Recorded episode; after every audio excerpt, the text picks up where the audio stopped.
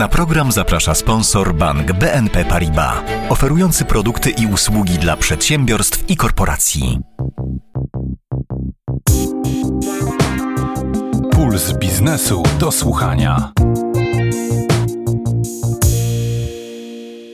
Dzień dobry, nazywam się Anna Gołasa, a to jest Puls biznesu do słuchania.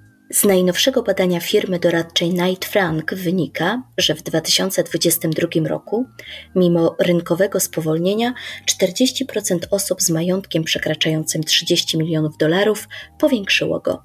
Jednym z powodów były inwestycje w nieruchomości. Aż 46% badanych na świecie uznało je za najważniejsze źródło pomnażania pieniędzy. W nieruchomości mocno wierzą także polscy inwestorzy, którzy, zdaniem pośredników, coraz częściej decydują się na lokowanie nadwyżek gotówki właśnie w domach oraz mieszkaniach. Co ważne, nie ograniczają się do Polski gdzie w kraju i za granicą kupujemy nieruchomości, jaka jest rentowność takich inwestycji i na co warto zwracać uwagę przy wyborze konkretnego aktywa, o tym w dzisiejszym podcaście. Zapraszam.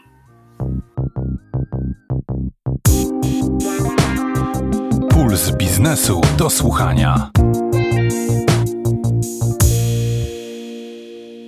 Minionym roku Polacy szturmowali m.in. hiszpański rynek nieruchomości. O jego atrakcyjności rozmawiam z Agnieszką Marciniak-Kostrzewą, właścicielką Agnes Inversiones, największej polskiej agencji nieruchomości na Costa del Sol. Zacznijmy od podstawowej kwestii: dlaczego warto kupić apartament albo dom w hiszpańskiej Andaluzji?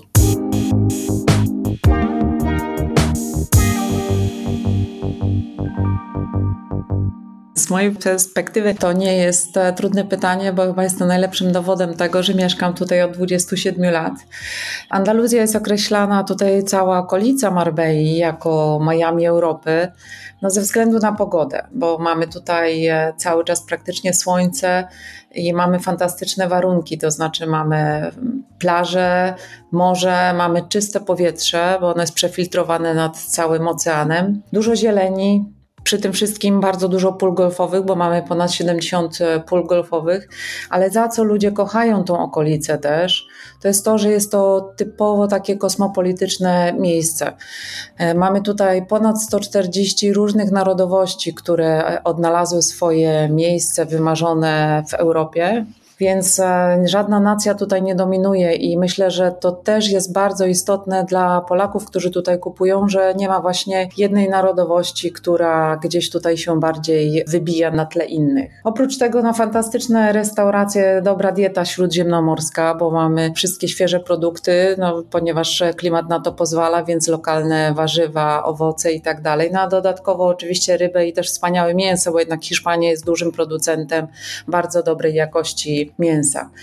Dla tych, którzy chcą się tutaj przeprowadzić na dłużej, a jest Polaków tutaj coraz więcej, którzy decydują się na przeniesienie się na stałe, no na pewno takim elementem decydującym jest ilość szkół międzynarodowych na wysokim poziomie i w, również w bardzo dobrych cenach. No oprócz tego to oczywiście taki lifestyle, czyli możliwość uprawiania różnych dyscyplin sportowych, tenisa cały rok na świeżym powietrzu, padla, rowerów, wycieczek w góry, czy też pływania i oczywiście no golf, ponieważ Costa del Sol jest również nazywana jako Costa del Golf. No, myślę, że dużo ludzi, którzy dzisiaj, to są takie uwarunkowania główne, natomiast dlaczego ludzie kupują dzisiaj też w Andaluzji, no czy w Hiszpanii w ogóle, porównując to na pewno jest to temat, że inflacja jest e, o wiele niższa aniżeli w Polsce, także to jest taki czynnik e, istotny. Oprócz tego, mimo wszystko, no jest to najdalej położony tak naprawdę punkt, jeśli chodzi od konfliktu, który mamy zaraz obok naszego kraju. Także jest wiele takich elementów, które myślę się przeplatają i e, dla wielu ludzi, ponieważ kredyty są łatwe do uzyskania, więc odnajdują tutaj możliwość jakby drugiej nogi, takiej dywersyfikacji swojej lokaty kapitału.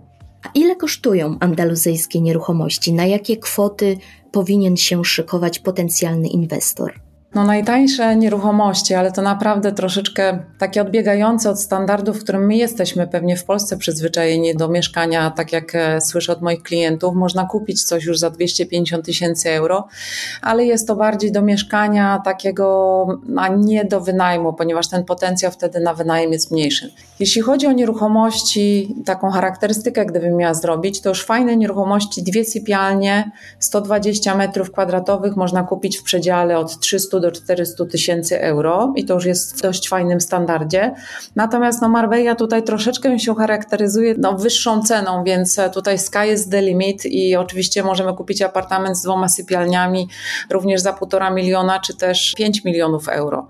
Natomiast y, skracając to, Apartament możemy kupić już od 350 tysięcy euro, coś fajnego, do powiedzmy w takim normalnym przedziale do e, miliona euro. Natomiast domki zaczynają się ceny od pół miliona euro, oczywiście do wielkich willi już kilkumilionowych, ale między 500 tysięcy a półtora miliona można kupić naprawdę fajny domek. Jakie narodowości lokują kapitał na hiszpańskim rynku i jak na tym tle wypadają Polacy? Jeśli chodzi o narodowości, które największą ilość tutaj nabywają, to najbardziej widoczne są Brytyjczycy, Niemcy oraz Francuzi. To od lat są takie dominujące tutaj narodowości kupujące. Natomiast Polacy w tym roku pierwszy raz zostali tak mocno dostrzeżeni przez e, wszystkie statystyki i szacuje się, że kupili w zeszłym roku, czyli w roku 2022 ponad 3000 mieszkań. Także znajdujemy się już w tej chwili w pierwszej dziesiątce obcokrajowców e, kupujących tutaj w Hiszpanii. To jest bardzo dużo. I ja uważam, że trzeba zwrócić na jedną rzecz uwagę, ponieważ te statystyki są niepełne. Dlatego, że tutaj mówimy o transakcjach, które zostały zawarte na rynku wtórnym, czyli coś, co istnieje i zdecydowaliśmy się, mogliśmy to już dzisiaj kupić. Natomiast na przykład w mojej agencji w zeszłym roku, w 2022,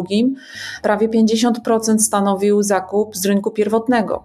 Czyli ludzie zrobili rezerwacje, podpisali umowy rezerwacyjne, natomiast te lokale będą oddane w tym roku lub w roku 2024 i to będzie dopiero wykazane w tym roku lub w kolejnym. Także ja uważam, że kupiliśmy no co najmniej 6 tysięcy nieruchomości, jak nie więcej. Nie wiem, jak tutaj na Costa Blanca to się szacuje, ale myślę, że możemy mieć taki przelicznik. Także na pewno jesteśmy bardzo dominującym teraz kupującym tutaj na rynku hiszpańskim. A w jakim celu najczęściej kupuje się apartamenty w Andaluzji? Na własne potrzeby czy pod wynajem? Przeprowadzamy się na stałe czy tylko bywamy? Wyszczególnijmy dwie kategorie, bo to są najbardziej takie charakterystyczne, czyli Polacy, którzy kupują tutaj, aby się przeprowadzić, to powiedzmy stanowi no już dzisiaj znaczący procent dla mnie w firmie, bo to jest około 20% wszystkich kupujących. Natomiast pozostałe 80% tak naprawdę kupuje na użytek własny i oddaje również wynajem, ponieważ większość naszych klientów nie jest dzisiaj jeszcze przygotowana na to, żeby móc się przeprowadzić. Część z nich pracuje w systemie pracy hybrydowej, czy też mają jakiś tam czas na home office i wtedy mówią, dobrze, Pani Agnieszko, my będziemy korzystali z tego w danym okresie, podają nam swoją agendę, a w pozostałym okresie chcą, aby był zwrot z tej inwestycji i zostawiają nam to po prostu na wynajem. My tym zarządzamy, wynajmujemy. Natomiast jest bardzo nikły procent, który kupuje to dla siebie i bywa od czasu do czasu. To bym powiedziała, może to stanowi 5, może 10% w skali zakupów całych e, w mojej firmie. Także bardzo znikomy. Jakich formalności musi dopełnić potencjalny nabywca? Jeżeli kupuję to bez kredytu, to tutaj procedura jest bardzo prosta, bo praktycznie posiadając konto w banku i środki oczywiście na zakup i dowód osobisty, to nie ma problemu, może tego dokonać bez żadnych problemów. Oczywiście jedyną kwestią, którą musi spełnić, to notariusz, który podpisuje umowę, musi zobaczyć skąd pochodzą środki. No dzisiaj jesteśmy związani umową o przeciwdziałaniu praniu brudnych pieniędzy, więc wiadomo, że to musi być udokumentowane ale to tylko tyle. Powiedziała Pani o formalnościach przy inwestycji za gotówkę, a czy jest możliwość zakupu na kredyt?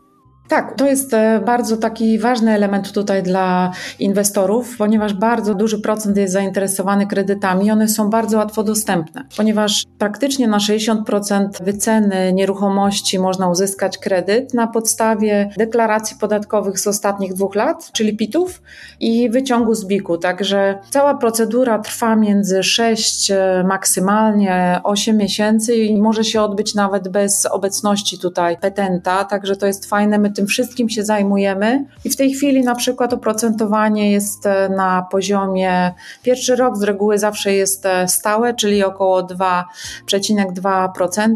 Natomiast w kolejnych latach to już jest to oprocentowanie zmienne i jest to na mniej więcej Euribor i dzisiaj plus 2%. E, w Polsce mieliśmy już w tym roku pierwsze przebłyski wiosny, ale mogę pani powiedzieć, że przed chwilką padał śnieg.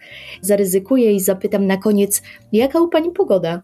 Tak naprawdę na zewnątrz mam termometr, więc w słońcu jest w tej chwili 28 stopni i siedzę w krótkim rękawku przy otwartym oknie, także w ciągu dnia mamy 22 stopnie w cieniu to jest właśnie fajne, że dużo ludzi, którzy kupuje nieruchomości, chce tutaj korzystać bardziej zimą, bo brakuje im słońca, brakuje im zieleni i tego spędzania czasu wolnego na świeżym powietrzu. Natomiast w tym okresie, kiedy jest najbardziej atrakcyjne to dla turystów na wynajem, pozostawiają nam właśnie nieruchomości w celu wynajmowania, więc to bardzo fajnie się w dużej mierze w większości przypadków e, składa. Bardzo dziękuję za rozmowę. Moim gościem była Agnieszka Marciniak-Kostrzewa, właścicielka agencji nieruchomości Agnes Inversiones. Bardzo dziękuję za zaproszenie.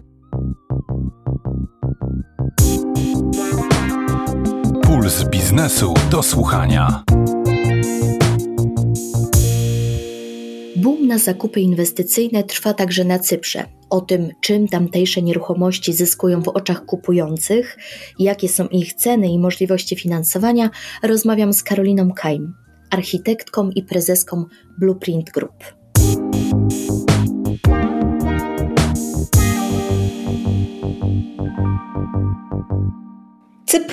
Przede wszystkim 340 słonecznych dni w roku i temperatury, które nawet w grudniu czy w styczniu mogą wynosić kilkanaście stopni. Piękne słońce, przebogata historia, niesamowicie bogata także wyspa, jeżeli chodzi o to, co może zaoferować na talerzu. Nie ma tam przemysłu, nie ma ciężkiej produkcji, nie ma alergenów, Wszyscy mówią po angielsku praktycznie, bardzo łatwo jest się komunikować. 3,5 godziny lotu z większych miast w Polsce i bardzo przyjazny system podatkowy, gdzie podatki wynoszą praktycznie dla wszystkich 12,5%, jeżeli chodzi o firmy, a jeżeli firmy świadczą tak zwane usługi intelektualne, tak to się nazywa, to może być nawet 2,5%. Wielu podatków, które my mamy w Polsce, na Cyprze po prostu nie ma, na przykład podatków od dywidendy albo podatków od spadku. Cypr jest uznawany za jedno z najbezpieczniejszych państw na świecie. I to jest absolutnie prawda. Tam jest po prostu bezpiecznie. Tam do tej pory są ludzie, którzy nie zamykają samochodów, nie zamykają domów. Tam praktycznie nikt się nie martwi o dzieci wracające ze szkoły. I to się też czuje na każdym kroku, zarówno w mieście, jak i poza. Jest to niebywale bezpieczne miejsce i myślę, że to też jest taki bardzo istotny argument, dlaczego wiele osób decyduje się na zakupy właśnie tam. Także zarówno dla miłośników słońca czy jedzenia, jak i dla miłośników inwestowania, Cypr ma bardzo dużo do zaoferowania. A jak kształtują się ceny? Jaki minimalny budżet należy przygotować, by móc kupić mieszkanie na Cyprze? Rzadko podaje się na Cyprze ceny za metr kwadratowy, natomiast y, należy przyjąć, że mniej więcej od kwoty 2,5 tysiąca, może 3 tysiące euro za metr kwadratowy można już poszukać nieruchomości na rynku pierwotnym. Y, jeżeli chodzi o całkowity budżet, to pewnie trzeba by przygotować jakieś 100 tysięcy euro, żeby kupić już jakąś nieruchomość. A jak pani ocenia zainteresowanie cypryjskimi nieruchomościami? Jakie narodowości są najaktywniejsze na tym rynku i oczywiście jaki popyt zgłaszają Polacy? Zainteresowanie jest olbrzymie i w okresie po pandemii Cypr odnotowuje średnio trzy razy większą roczną sprzedaż niż przed okresem pandemii. W związku z powyższym tak naprawdę nie ma nieruchomości, które można kupić od ręki dzisiaj i wprowadzić się jutro. Kupuje się nieruchomości na etapie y, planu dziury w ziemi. One sprzedają się tak szybko, że jeden z naszych partnerów, który wprowadził do przedsprzedaży jeszcze nieoficjalnie swój projekt w poniedziałek blisko 60 jednostek, 16 y, już ma sprzedanych. Cypryjczycy też stosują taką metodę podnoszenia cen wraz z budową, w związku z czym jest tak, że ten, kto kupuje na samym końcu w danym projekcie, może zapłacić nawet dwukrotnie wyższą cenę w stosunku do osoby, która kupiła pierwsza. Standardowo ceny co kwartał, co jakiś etap budowy podnoszone są 5, 10, 15%. To wszystko zależy od projektu i tym samym ci, którzy kupują najwcześniej, mają najatrakcyjniejsze warunki. A kupują wszyscy z bardzo wielu państw. Historycznie oczywiście Cypr to kultura anglosaska, w związku z czym jest tam kilka nawet takich lokalizacji, gdzie mieszkają tylko i wyłącznie Anglicy, aczkolwiek po Brexicie tych zakupów jest trochę mniej. Każdy ma dobry powód, żeby kupić na Cyprze, bo albo brak słońca, albo za wysokie podatki są motywacją do zmiany.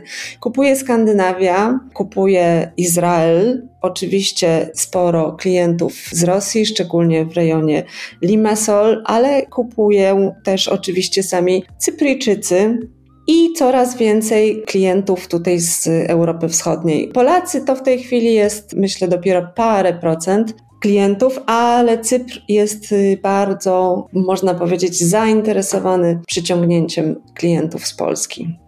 Jakie trzeba spełnić warunki, by móc kupić nieruchomość na Cyprze? Czy można kupić na kredyt? Procedury są bardzo uproszczone, umowy są także dosyć proste. Warto kupować z partnerem, który dobrze zna rynek i który może przeprowadzić przez taki proces. Warto też absolutnie współpracować z niezależnym prawnikiem, który wesprze w procesie sprawdzenia danej nieruchomości i danego dewelopera. Jeżeli chodzi o możliwości finansowania, to po pierwsze sami deweloperzy często. Oprócz tego faktu, że kupujemy na etapie budowy czy początku budowy, w związku z czym z definicji te płatności są rozłożone na dwa czy trzy lata, standardowo umowa podpisywana jest y, wtedy, kiedy klient wpłaci pierwszą ratę w wysokości 30 lub 35%, reszta może być rozłożona właśnie na 24 czy na 36 miesięcy. Czasami sami deweloperzy oferują formę jakąś finansowania albo współpracują z bankami, które mogą udzielić kredytu. Taki kredyt może być udzielony standardowo na 20 lat. Oprocentowanie dla nieruchomości, które kupujemy tak zwanie na własny rachunek do mieszkania, to jest marża około 2% na w tej chwili koszcie pieniądza 3-miesięczny Euroribor 3, czyli w sumie 5%. Jeżeli to są nieruchomości inwestycyjne, to marża będzie nieco wyższa i będzie wynosiła około 3%, czyli w sumie koszt kredytu to będzie 6%. Można sfinansować połowę, nawet do 60% wartości zakupu takiej nieruchomości i taka procedura może potrwać do miesiąca, a trzeba mieć też znowu na względzie, że Cypr, ponieważ sprzedaje do klientów z całego świata, to wszystkie zespoły bardzo dobrze wiedzą, jak pomagać klientom przejść tego typu proces, no bo robią to dla różnych kultur, dla różnych osób i dla nabywców od stosunkowo tańszych nieruchomości po czasami bardzo dwu, trzy, czteromilionowe inwestycje w wille. A w jakim celu nabywa się nieruchomości? Na własny użytek, pod wynajem? Czy zdarzają się zakupy hurtowe? Tak, bardzo często to jest w ogóle kombinacja. Inwestorzy, którzy polubią Cypr, potrafią na przykład kupić dla siebie jeden apartament, a dwa albo trzy na wynajem. Takie zakupy hurtowe nie są niczym rzadkim. Często też jest tak, że kupuje się najpierw dla siebie jeden apartament, a później jak on się trochę znudzi, to drugi, a ten pierwszy się oddaje do wynajmu. Znowu każda firma deweloperska ma swój dział wynajmu i zarządzania nieruchomościami. Można taki apartament dać na wynajem na miesiąc, na 9 miesięcy. Jest pełna dowolność rozwiązań i one w tej chwili w ogóle się bardzo szybko i dobrze wynajmują, zarówno te wakacyjne apartamenty, jak i te zlokalizowane w miastach, tak jak Larnaka czy Pafos, bo dużo biznesów szczególnie tych związanych z nowymi technologiami, przenosi się na Cypr, przenosi na Cypr swoje zespoły, a wiadomo, zespoły w postaci czy rodzin, czy pojedynczych osób muszą gdzieś mieszkać, także apartamenty wynajmują się wyśmienicie. Także motywy to tutaj przeważnie jest taka kombinacja, czyli dywersyfikacja, dobrze jest mieć przychód w euro, w tej chwili szczególnie kiedy inflacja jest w Polsce tak wysoka, dobrze jest mieć takie miejsce, które być może będzie naszym wakacyjnym, albo może być też drugim domem, a wiadomo, że w razie czego zawsze jest to po prostu dobra inwestycja. Bardzo dziękuję za rozmowę. Moim gościem była Karolina Kajm, architektka i prezeska Blueprint Group.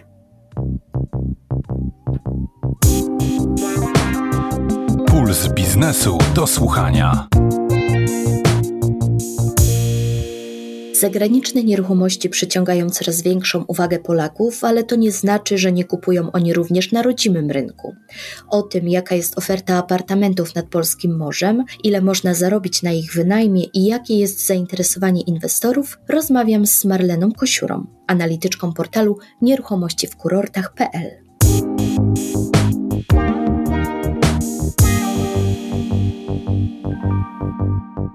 Zainteresowanie jest duże, chociaż trzeba przyznać, że faktycznie dynamika w związku w ogóle z zatrzymaniem rynku nieruchomości takich mieszkaniowych w Polsce, także w kurortach jest widoczna. Ta sprzedaż jest dużo wolniejsza niż wcześniej, ale oczywiście nadal jest to atrakcyjna forma lokowania gotówki, głównie, bo raczej w kurortach nabywcy kupują za gotówkę, za kapitał, a nie za kredyt. Niezmiennie oczywiście od lat topowe kurorty są najchętniej kupowane, nieruchomości w tych kurortach. Ale wbrew pozorom dużo inwestycji buduje się też w bardzo małych, powiedziałabym takich bardzo sezonowych miejscowościach typu Rogowo, Gąski, Ustronie Morskie, takie, które faktycznie funkcjonują raczej tylko w sezonie i tam tych projektów deweloperskich powstaje też dużo i chętni na zakup takich apartamentów też są. Jak ocenia Pani standard nieruchomości w polskich kurortach? Co się zmieniło w tej kwestii w ostatnich latach? W zasadzie w kurortach powstają w każdym standardzie budynki, chociaż tych najdroższych, takich naprawdę ultra luksusowych jest w Polsce mało, dlatego że też mało jest takich kupujących. Natomiast na pewno wśród tych nowych projektów, które powstają, jest spora zmiana. O ile jeszcze kilka lat temu deweloperzy, jak budowali budynki apartamentowe, to raczej powiedziałabym, że to były takie blokowiska, tyle że wakacyjne. Natomiast teraz dbają i bardziej o architekturę, i o zagospodarowanie terenu wokół. Często w tych inwestycjach pojawiają się dodatkowe usługi typu baseny, jakieś sale fitness, czyli ten standard się zdecydowanie podnosi. Czy nad polskim morzem kupują wyłącznie rodacy, czy zdarzają się też zakupy cudzoziemców? No zdecydowanie w polskich kurortach kupują Polacy. Trochę też dlatego, że taką mamy też turystykę, że jednak w Polsce w kurortach mamy głównie popyt e, taki wewnętrzny i tak też nieruchomości są kupowane. Tych kupowanych przez zagranicznych nabywców, na przykład Niemców, w zasadzie to są pojedyncze transakcje. Nabywcy kupują te lokale głównie z uwagi na możliwość wynajmowania, chociaż ta tendencja też się zmienia, ponieważ wraz z no, rosnącą inflacją i z dojrzewaniem też tego rynku apartamentów wakacyjnych coraz częściej pojawiają się zamożni klienci, którzy kupują albo dla siebie jako klasyczny second home i wcale niekoniecznie chcą na tym zarabiać, albo kupują z myślą o wzroście wartości takiej nieruchomości, o przetrzymaniu pieniędzy, nie trzymaniu ich w bankach czy w innych miejscach, tylko właśnie ulokowaniu w nieruchomości, więc ten aspekt inwestycyjny nadal jest głównym celem zakupu, ale już nie tak silnym jak jeszcze 5-6 lat temu. Ile można zarobić na wynajmie apartamentów wakacyjnych? W chwili obecnej stopy zwrotów z takich apartamentów wakacyjnych są porównywalne z rynkiem mieszkaniowym, więc to jest mniej więcej na poziomie 5-6%. Przy czym warto pamiętać, że nieruchomość mieszkaniową wynajmujemy cały czas. Nieruchomość wakacyjną, taką typowo apartamentową, wynajmuje się głównie w sezonie i w jakichś okresach typu święta, sylwester. I to też jest dosyć ważny element dla kupujących, ponieważ oni wiedzą, że zarobią w zasadzie podobne stawki czy wyższe, jednocześnie przy niskim zużyciu tej nieruchomości. Dlatego często mając do wyboru kupić mieszkanie na wynajem czy apartament wakacyjny, jednak wybierają e, te nieruchomości w kurortach. Przykładowo takiej średniej wielkości dwupokojowy apartament w kurorcie jest w stanie zarobić w sezonie około 10-12 tysięcy miesięcznie co przy założeniu, że wynajmujemy go przez cały sezon, bo raczej w sezonie problemu z wynajmem nie ma, plus jakieś tam weekendy i przedłużone weekendy, no to rocznie taki dwupokojowy apartament w kurorcie może przynieść zwrot mniej więcej na poziomie 48 tysięcy.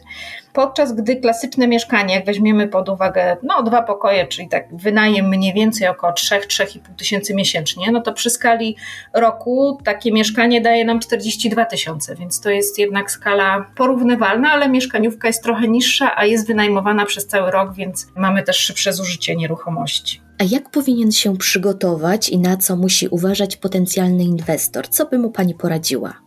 No, przede wszystkim musi dysponować całkiem sporym portfelem, ponieważ e, wbrew temu, że nie kupujemy w dużym mieście apartamentu, tylko w małym kurorcie, to te ceny są porównywalne do mieszkań w Warszawie, Gdańsku, Krakowie, czyli żeby kupić średniej wielkości apartament w takim w miarę atrakcyjnym miejscu i w miarę dobrym standardzie budynku, no to trzeba liczyć się jednak z wydatkiem 500-600 tysięcy za 30, kilka, 40 metrów, więc jest to dosyć spory wydatek. Natomiast ponieważ ceny nieruchomości w kurortach rosną cały czas niezmiennie od lat, no to w tej chwili te najbardziej atrakcyjne lokalizacje, czyli na przykład pierwsza linia zabudowy od morza, no to już są stawki na poziomie około 20-30 tysięcy za metr kwadratowy, czyli najmniejszy apartament kosztuje w granicach 700 tysięcy miliona, więc e, ta stopa zwrotu wiadomo przy takim wydatku nie jest zbyt duża, dlatego często kupujący decydują się na apartamenty położone trochę dalej od morza, drugiej, trzeciej, czwartej linii zabudowy i one w sezonie też oczywiście się wynajmują i generują przychód, więc nie jest tak, że tylko topowe położenie w kurorcie daje gwarancję zarobku i zysku. Bardzo dziękuję za rozmowę. Moim gościem była Marlena Kosiura, analityczka portalu nieruchomości w kurortach.pl. Dziękuję uprzejmie.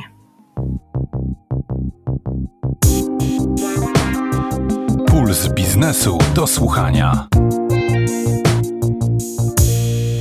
Zakupom inwestycyjnym na bieżąco przygląda się m.in. Metro House. Z Marcinem Jańczukiem, analitykiem rynku nieruchomości w tej agencji, rozmawiam o skali tego zjawiska, hurtowych zakupach mieszkań i zapowiadanych przez rząd ograniczeniach w tym zakresie.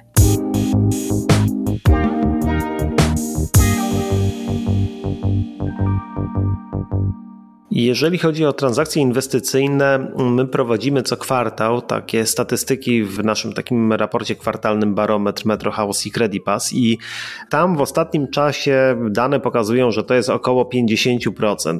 50% zakupów to są zakupy inwestycyjne. Ja trochę w te dane nie do końca wierzę. Po pierwsze dlatego, że część osób nie przyznaje się wprost, że kupuje mieszkanie inwestycyjne. Nie przyznaje się z różnych e, przyczyn. Często nie chce o tym mówić. E, uznaje, że to jest osobista sprawa, nie dzieli się tym z agentem nieruchomości. A druga kwestia, często są to zakupy, które noszą znamiona zakupów inwestycyjnych, ale wprost to słowo nie pojawia się w różnorakich ankietach. To są mieszkania, które na przykład kupujemy dla syna, który na przykład przeprowadził się do Warszawy w celu podjęcia edukacji. To są mieszkania często wakacyjne, które no, nomen omen są inwestycjami same w sobie, ale dla osób, które kupują często takie nieruchomości, nie noszą one takich bezpośrednich znamion inwestycji, są traktowane po prostu jako drugi dom. Więc ten obszar inwestowania w nieruchomości moim zdaniem e, obecnie jest dosyć szeroki. Jeżeli popatrzymy na rynek pierwotny, z pewnością większość inwestycji deweloperskich i większość transakcji w tych inwestycjach to są jednak zakupy inwestycyjne. No, mamy na uwadze to, że obecnie wysokie stopy procentowe powodują brak możliwości sfinansowania kredytem hipotecznym zakupu. Klienci, którzy dotychczas napędzali rynek deweloperski, w zasadzie z tego rynku całkowicie niemal zniknęli. To, co podtrzymuje przy życiu inwestycje deweloperskie i taką bezpośrednią sprzedaż, to są właśnie osoby, które inwestują w nieruchomości, inwestują kupując jedno lub więcej mieszkań. Jaka jest obecnie w Polsce rentowność inwestycji w mieszkanie na wynajem i czym powinna się charakteryzować nieruchomość, by potencjalny zysk był możliwie największy? Rentowność, porównując to do rentowności na przykład do uzyskania z lokat terminowych, nie jest oszałamiająco wysoka, ponieważ możemy mówić tutaj o średniej rentowności w granicach 4,5 do 6%. No jeżeli mamy lokaty oprocentowane na 8%, to ta różnica jest e, wyraźnie zauważalna, ale część osób inwestujących w nieruchomości nie podchodzi do tego analizując wprost możliwą do osiągnięcia bieżącą rentowność. Uważają, że zakup nieruchomości jest pewną inwestycją długoterminową, przyjmują tutaj wahania rentowności w czasie, wychodzą z założenia, że jest to dobro, którego cena będzie wzrastać mimo różnych e, wahań cyklicznych na rynku. Najczęściej osoby, które inwestują w nieruchomości, kupują tak jak powiedziałem, pojedyncze mieszkania. Jedno, dwa mieszkania. To nie są osoby, które kupują hurtowo mieszkania, więc y, raczej gro osób, które inwestuje na rynku nieruchomości, dywersyfikuje w ten sposób swój portfel. I także dywersyfikują ten portfel pod względem zakupu samych nieruchomości, czyli często jeżeli myślą o zakupie dwóch mieszkań, to te dwa mieszkania zazwyczaj kupują w dwóch różnych inwestycjach, tak żeby sprawdzić w praktyce, jak będzie popularne to mieszkanie na rynku wynajmu, jaki zwrot przyniesie w najbliższym czasie. I jeżeli chodzi o porady dla osób, które inwestują w nieruchomości, inwestują w mieszkania na wynajem, to te porady są takie, bym powiedział, bardzo klasyczne. Mieszkania, które uzyskują wyższą rentowność, to są zazwyczaj niewielkie mieszkania jedno- i dwupokojowe. Dlatego taką dużą popularnością na rynku cieszą się na przykład e, lokale do 40 metrów kwadratowych i one najszybciej szybciej znikają z baz pośredników i deweloperów, dlatego że tutaj musimy mieć na uwadze cenę całościową, jeżeli chodzi o zakup nieruchomości. Jeżeli weźmiemy pod uwagę na przykład mieszkania 50-metrowe, dwupokojowe, to za wynajem takiego mieszkania uzyskamy nieznacznie tylko wyższe dochody niż przy wynajmie na przykład 38-metrowego mieszkania, a przy zakupie takich mieszkań no różnica w cenie jest bardzo duża, więc dlatego inwestorzy, którzy robią to już od lat, gustują w niewielkich mieszkaniach dwupokojowych takim banałem jest powiedzenie, że lokalizacja jest takim szczególnym elementem wyboru mieszkania pod inwestycje. Co oznacza dobra lokalizacja? Nie oznacza tylko możliwości zakupu mieszkania bardzo dobrze skomunikowanego w centralnych rejonach miasta, ale lokalizacja oznacza pewne odrobienie pracy domowej z różnych charakterystyk danej miejscowości, danego miasta, które mogą być istotne z punktu widzenia potencjalnego najemcy. No, czasami może się wydawać, że mieszkanie na przedmieściach nie jest bardzo dobrą lokalizacją, ale jeżeli weźmiemy pod uwagę, że znajduje się tam w pobliżu duży zakład produkcyjny, duża fabryka, ten popyt na wynajem mieszkania będzie generowany w wyższym stopniu niż w innych lokalizacjach. Dotychczas mówiło się, że y, mieszkanie na wynajem powinno być nabywane właśnie w takich lokalizacjach dosyć rozpoznawalnych, w centralnych rejonach miast, dobrze skomunikowanych. Jednak ja nie jestem tutaj jakimś e, zwolennikiem tego typu tezy, ponieważ wysoką rentowność można też uzyskać w lokalizacjach, które nie są uważane za najlepsze z racji tego, że jest bardzo duża grupa potencjalnych najemców, którzy chcą mieszkać po prostu w podobnym standardzie, jak zamieszkiwali wcześniej, w jakiejś dobrej lokalizacji, ale za niższą cenę. Więc ta cena bardzo końcowa ma duże znaczenie. Więc jeżeli ktoś zaproponuje dwa podobne produkty mieszkaniowe, jeden będzie położony w centralnych rejonach miasta i gdzie czynsz wynosi 4000, a drugi położony na obrzeżach miasta, gdzie czynsz wynosi 2800, to zainteresowanie tym drugim lokalem powinno być znacznie wyższe. Na pewno przy inwestowaniu w nieruchomości trzeba pamiętać o tym, żeby podchodzić do tego dosyć racjonalnie, zarówno do zakupu, jak i później aranżacji, remontu danego mieszkania. Dlatego osoby, które specjalizują się w inwestowaniu na rynku nieruchomości, mają już sprawdzone metody, aby mieszkanie wyremontować niewielkim kosztem, aby to mieszkanie było równie funkcjonalne, aby przystosować je wręcz do potrzeb potencjalnych najemców, przy czym łatwo w takim procesie o przeinwestowanie, które tak naprawdę nie będzie miało znaczenia w późniejszym czynszu, jaki jesteśmy w stanie uzyskać, no ale przyczyni się tylko i wyłącznie do obniżenia rentowności. Jak ocenia Pan propozycję Ministerstwa Rozwoju i Technologii, by nałożyć wyższy podatek na hurtowe transakcje zakupu mieszkań? Jeżeli chodzi o inwestowanie hurtowe, tutaj pewnie wszelkie nowe przepisy mają uderzyć w rynek funduszy inwestycyjnych, spółek typu PRS, które inwestują na rynku polskim, kupując pakiety mieszkaniowe, następnie te pakiety trafiają na rynek najmu. I ja bym tutaj postawił kropkę, bo istnieje bardzo duża przepaść pomiędzy funduszami, instytucjami, które się w tym na całym świecie specjalizują, a indywidualnym nabywcą mieszkań, mieszkań w większej ilości w celach inwestycyjnych. Jeżeli popatrzymy sobie na charakter tych transakcji inwestycyjnych, to odsetek osób, które posiadają więcej niż 4, 5, 6 mieszkań jest naprawdę niewielki. Ten rynek najmu w Polsce jest przez to bardzo rozdrobniony, bo jest w rękach osób, które posiadają jedno, dwa mieszkania. I myślę, że nie dochodzi często do sytuacji, kiedy indywidualny nabywca mieszkania kupuje kilka mieszkań w danej inwestycji. Oczywiście nie wykluczam takiego scenariusza, ale te scenariusze nie są tak częste, jak mogłoby się wydawać. Dlatego dla indywidualnych odbiorców, dla indywidualnych klientów kupujących mieszkania pod wynajem nie będzie miało to prawo zbyt dużego przełożenia, ponieważ podkreślam, do rzadkości dochodzą sytuacje, kiedy przeciętny nabywca ma tych mieszkań kilka czy kilkanaście. Zapewne, jeżeli chodzi o opodatkowanie instytucji, które kupują kupują hurtową mieszkania, no w jakimś stopniu przełoży się to też na zainteresowanie polskim rynkiem nieruchomości, ponieważ no nie działamy w jakiejś takiej przestrzeni zamkniętej, tylko jesteśmy łańcuchem powiązań pomiędzy poszczególnymi rynkami w innych państwach i fundusze inwestujące w Polsce nie inwestują tylko dlatego, że jest to rynek jakiś szczególnie atrakcyjny, ale porównują ten rynek z innymi rynkami europejskimi, porównują też prawodawstwo, porównują podatki, więc jeżeli te daniny będą coraz wyższe, to albo obniżymy tutaj zainteresowanie podmiotów tego typu inwestycjami, albo podmioty będą zainteresowane tego typu zakupami, będą nadal nabywać hurtowo nieruchomości, ale cenę czynszu będą dostosowywać do obciążeń podatkowych, które są nakładane na ich działalność. Więc można oczekiwać, i to jest w każdym biznesie, w biznesie deweloperskim też ten przypadek następuje, jeżeli nowe prawodawstwo nakłada na dewelopera różne nowe podatki lub różne techniczne elementy inwestycji, które powodują wzrost kosztów. No, w zasadzie w tym końcowym elementem jest klient, który za te zmiany odpowiada i płaci w końcowej cenie za metr kwadratowy albo za w przypadku funduszy, które kupują mieszkania na wynajem w czynszu najmu. Bardzo dziękuję za rozmowę. Moim gościem był Marcin Jańczuk, analityk rynku nieruchomości w agencji Metro House. Dziękuję bardzo.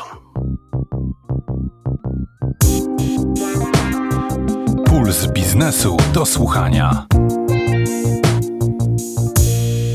Zdaniem ekspertów, inwestycje w nieruchomości, zwłaszcza te z wyższej półki, to najlepsza lokata kapitału w czasach zawirowań gospodarczych.